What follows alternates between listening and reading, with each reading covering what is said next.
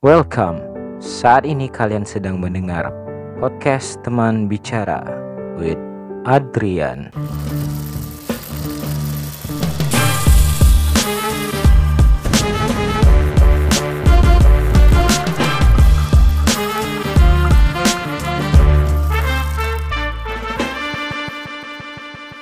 Baik, assalamualaikum warahmatullahi wabarakatuh. Balik lagi bersama gue Adrian di podcast teman bicara Now Today. Seperti yang sudah saya beritahu di Instagram pribadi saya, hari ini kita akan membahas tentang COVID-19 atau coronavirus bersama seorang dokter muda. Selamat sore Pak. Sore. Uh, silahkan perkenalkan diri Bapak terlebih dahulu.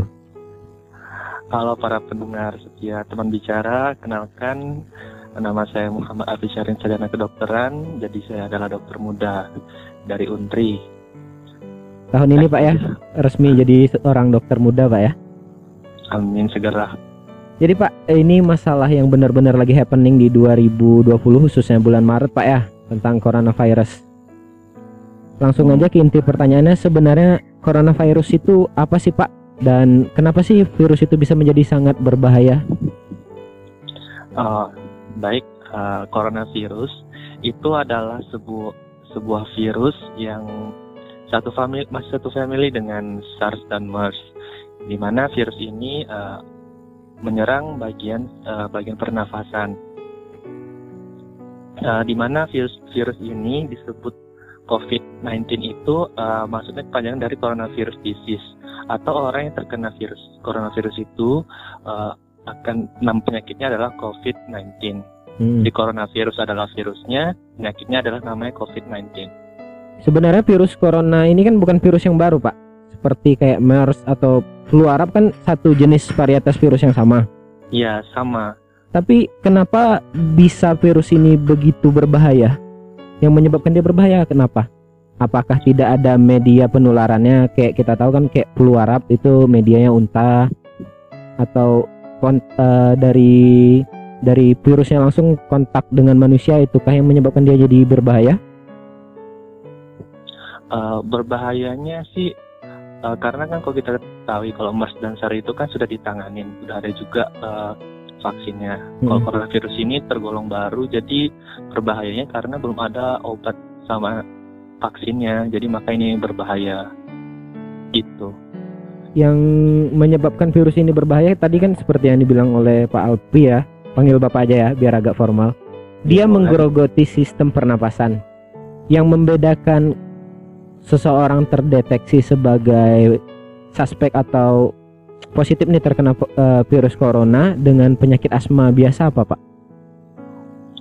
Uh, kalau asma itu kan uh, sesak nafas tuh. Itu memang udah bawaan. Biasanya memang ada orang-orang khusus memang ada bawaan dari asma dari keluarga. Untuk COVID ini memang harus terkena virusnya itu dulu terinfeksi melalui melalui droplet atau melalui airborne. Airborne ini maksud dari udara, droplet itu misalnya lagi bersih itu kan ada tuh kayak kayak bersih bersihnya itu. Nah itu tuh dihirup oleh kita itu yang buat kita kena terkena virus ini. Terus tanda-tanda dari terkena coronavirus ini yaitu saluran pernapasan. Ada empat ya. Pokoknya masa inkubasinya itu tujuh hari Terus uh, tanda-tanda itu demam lebih dari 38 derajat Celcius, terus batuk-batuk, bersin atau flu, juga disertai dengan sesak nafas. Ada tanda empat gejala ini uh, diharapkan memang segera sih langsung ke telepon pelayanan medis terdekat. Untuk uh, cara penularan virus corona ini bagaimana Pak? Apakah bisa menular lewat udara, lewat sentuhan? Seperti yang kita tahu kan uh, untuk meminimal ke, meminimalisir kemungkinan kita terjangkit virus corona kita dilarang untuk menyentuh muka. Kenapa kita dilarang untuk menyentuh muka? Apakah kita dilarang menyentuh muka karena muka adalah bagian paling sensitif untuk tertular ya virus ini? Bagaimana kalau kita menyentuh bagian lain misalnya bagian kaki atau lain sebagainya? Dan kenapa sih solusi terbaik untuk mencegah penularan virus ini dengan mencuci tangan? Oh ya, cara menular virus ini uh, awalnya virus ini itu tuh uh, virusnya sama seperti SARS dan MERS. Itu mengenai uh, hewan saya lupa hewan apa entah tapir entah kelelawar. Nah di situ dia terjadi mutasi. Nah, hmm. mutasi inilah ya berubah genetiknya jadi coronavirus jadi lebih berbeda namun tetap satu family sama MERS dan SARS. Hmm. Lalu uh, untuk untuk penyebarannya ini melalui droplet atau yang tadi saya sebutkan tadi mengenai bersin-bersin itu kan ada kayak ludah-ludah kecil-kecilnya itu. Hmm. Nah, terus airborne itu melalui udara. Di mana uh, coronavirus ini bisa beberapa jam tahan di udara. Uh, penyebaran paling dominannya itu lewat ludah gitu, Pak ya? Iya, lewat udara. Oke. Okay. Sentuhan sentuhan kenapa bisa? Itu karena uh, kayak udara itu pasti kita nanti kan kita nggak tahu partikelnya sangat kecil beberapa nanometer. Jadi bisa saja mengenai tangan. Tangan kita ini apabila tidak bersih kita menyentuh bagian wajah. Bagian wajah ini kita ketahui kan bagian mata hidung dan mulut itu adalah lubang. Hmm. Lu, uh, lubang ini nih uh, maksudnya itu uh, lebih ada lapisan lapisannya namanya uh, mukosa. Mukosa ini sangat rentan daripada kulit kalau kulit kan kita kan masih ada banyak lapisan. Kalau mukosa ini lebih cepat ke, ke bagian dalam sel, jadi lebih cepat penyebarannya ke dalam. Terus untuk mengapa uh, perlu cuci tangan? Uh, di sini lebih disarankan cuci tangan menggunakan sabun dan air daripada hand scrub, hand scrub itu. Karena kita tahu pada saat cuci tangan itu kan dengan air yang bersih. Tentu pada saat kita cuci tangan itu kumannya mati, terus residu-residu dari kumannya itu bakal teraliri oleh air yang kita cuci tangan tadi. Itu sih. Kalau dengan alkohol alkohol atau sanitizer itu kan sifatnya menguap. Nah dia tidak bisa apa dengan suhu matahari panas itu dia akan berubah konsentrasinya ke segitu. Juga akan menyebabkan iritasi kulit seorangnya juga gimana. Tapi ya uh, di mana juga uh, hand sanitizer itu harus digunakan pada tangan yang memang bersih gitu yang nggak kotor kena tanah atau lumpur gitu baru kita bisa gunakan sanitizer namun lebih efektif menggunakan cuci tangan sabun dan uh, air yang mengalir gitu. Dan gitu. untuk penyebaran virus ini sih sebenarnya berapa lama Pak? Kalau misalnya kita tidak tahu terus kita berkontak langsung dengan media penularan virus ini berapa lama virus itu dapat menjangkiti tubuh kita?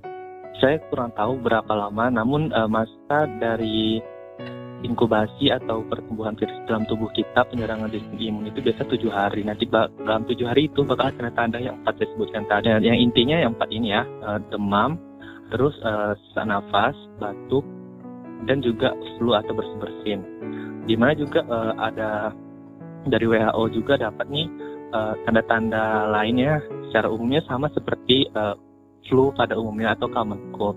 Di mana akan ada demam kelelahan juga batu itu biasa batu kering. Terus hmm. ada seperti sakit-sakit sakit kepala gitu nyeri.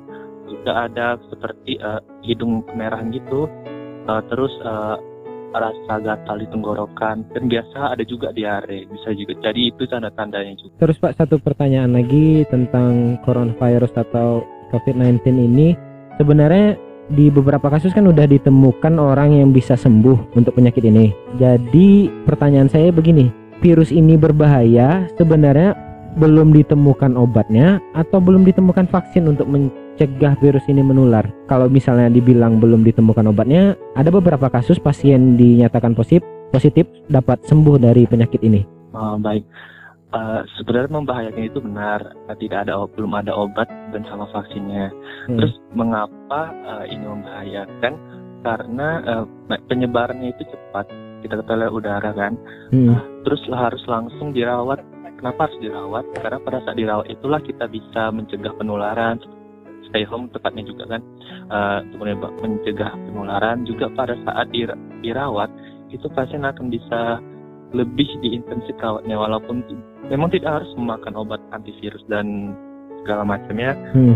ini juga uh, penyakit ini uh, harus sesuai dengan orang-orang orang-orangnya sendiri. Misalnya orang dengan imun yang tinggi, nah itu insya Allah cepat sembuhnya.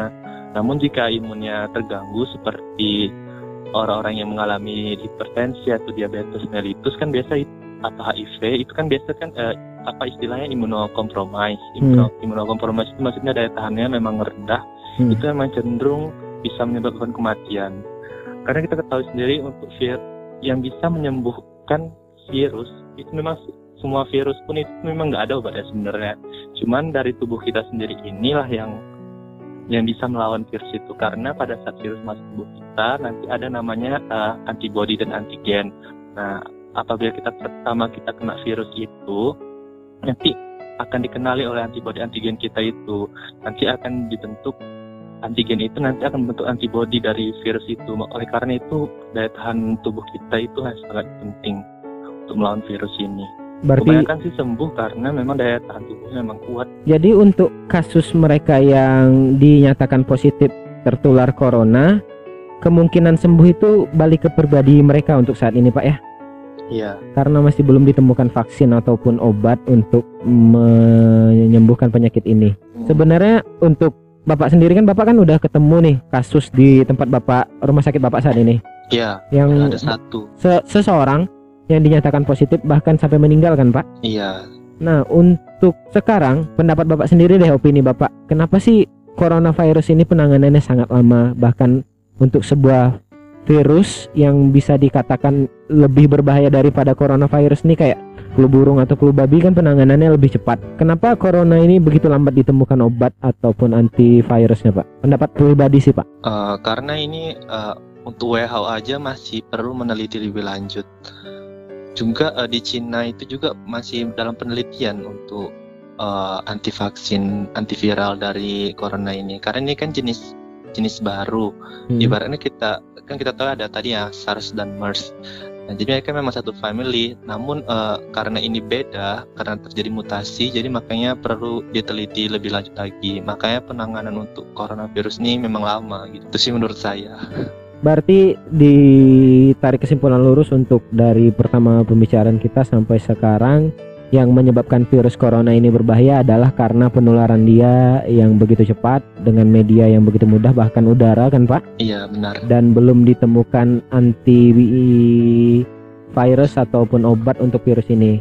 Dan mereka yang dikatakan sembuh itu kembali ke pribadi mereka masing-masing. Apakah mereka punya antibodi yang baik atau enggak gitu Pak ya bener Pak ya Ya sistem um, sistem imun. sistem Tepatnya. imun sistem imun pak ya jadi untuk Iya. tindakan pencegahan yang dapat kita lakukan terutama untuk mereka yang bekerja ataupun harus bertemu banyak orang harus eh, menyentuh media-media penularan vi- virus seperti uang apa sih tindakan pencegahan yang bisa yang bisa dilakukan pak selain dari yang seperti yang kita tahu disarankan mencuci tangan menggunakan sabun Eh, yang pertama itu untuk yang kita yang sehat ya tetaplah berada di rumah untuk sementara ini. Hmm, Uh, terus uh, menghindari menyentuh bagian wajah, terutama mata, hidung, dan mulut. Terus uh, sering mencuci tangan, terutama dengan sabun dan air, air yang mengalir. hmm. Uh, terus uh, kita harus update mengenai virus ini, bagaimana perkembangannya juga. untuk hand sanitizer itu worth it enggak pak kita gunakan Worth it, namun itu harus tangan dan kita emang harus dalam keadaan yang bersih. Hmm. gitu. Berarti mis- misalnya gini, kita habis nyentuhin eh, nyentuh sebuah media, anggap itu itu uang. Media penularan salah salah salah satu media penular virus corona yang begitu cepat kan salah satunya uang yang kita hampir sentuh tiap hari. Kita cuci pakai hand sanitizer itu worth it atau harus kita cuci pakai sabun baru cuci pakai hand sanitizer lagi? Tangan kita atau uang ya? Tangan kitanya. ya boleh boleh saja karena pada pada dasarnya juga virus ini ada dalam beberapa itu hidupnya cuma beberapa jam sih Hmm. Heeh. oh iya satu lagi lupa eh, jika kita memang ada teman kita batuk diharapkan kita berjarak satu meter dari eh, orang tersebut terus untuk orang yang memang lagi sakit flu namun tidak tidak bisa jadi suspek semuanya maksudnya Hmm. ada salah satu dari gejala aja itu diharapkan me- memakai seperti masker gitu Hmm. berlindung diri atau jangan keluar rumah terlebih dahulu gitu. Dan Pak, apabila memang Ya. ada tanda gejala se- semuanya tadi segera hubungi pelayanan medis terdekat. kalau misalnya dari gejala yang tadi dibilang menjadi masalah nggak? Misalnya kita sampaikan kepada rumah sakit gitu. Untuk biaya tersendiri sih. Misalnya kita nih eh, memiliki beberapa gejala yang dinyatakan sebagai eh, gejala-gejala terjangkit COVID-19 atau coronavirus. Kalau misalnya kita memeriksakan diri kan otomatis dikenakan biaya. Untuk saat ini dari pemerintah sendiri untuk beberapa kasus mereka yang dinyatakan suspek itu biayanya diberatkan ke pribadi atau ditanggung oleh pemerintah, Pak? Uh, untuk itu saya belum tahu secara jelas, namun uh, kemungkinan ini masih misalnya kalau misalnya ada asuransi seperti BPJS mungkin bisa teringankan ya. Hmm. Namun uh, di sini kan kita cuma periksa gitu kan, mungkin tidak akan terlalu mahal, cuma periksa gitu saja, paling uh, cuma cek darah, terus uh, cek apakah memang ada virusnya ada nama yang expert namanya itu kayaknya nggak terlalu mahal. Mungkin ya saya, saya kurang tujuh harganya tapi mungkin cuma periksa itu aja apakah memang ada virus tidak. Itu saja sih. Dan e, untuk penggunaan masker sebenarnya itu worth it nggak pak? Untuk kita yang sehat-sehat aja tapi menggunakan masker? Untuk kita yang sehat sebenarnya nggak worth it ya. Yang masker masker itu yang sakit dan uh, kami para medis yang yang di rumah sakit itu yang lebih worth it sebenarnya.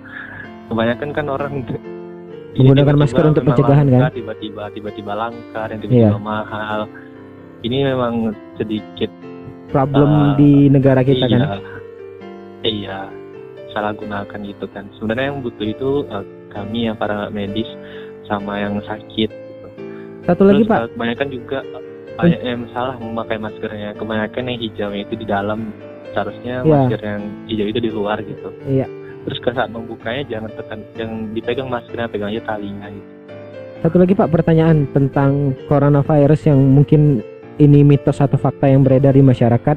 Katanya virus ini mudah mati ataupun uh, hilang dengan air. Itu benar pak?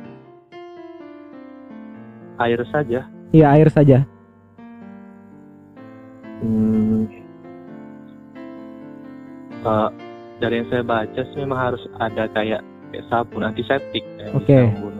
Berarti sebenarnya untuk di Indonesia sendiri kan ini bukan sebuah masalah yang besar karena kita tahu di iklim tropis hampir satu hari itu kita mandi dua kali kan pak?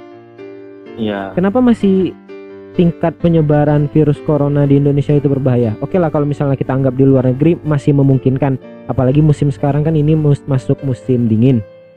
Mungkin dalam satu bulan itu mereka mandi cuma beberapa kali gitu kan. Tapi untuk kasus di Indonesia bukannya kalau memang virus ini bisa mati karena sabun ataupun pas kita membersihkan diri, kenapa masih banyak orang Indonesia yang terjangkit? Dan satu pertanyaan lagi Pak, bener apa enggak virus corona ini mudah mati kalau misalnya kita berada di udara panas?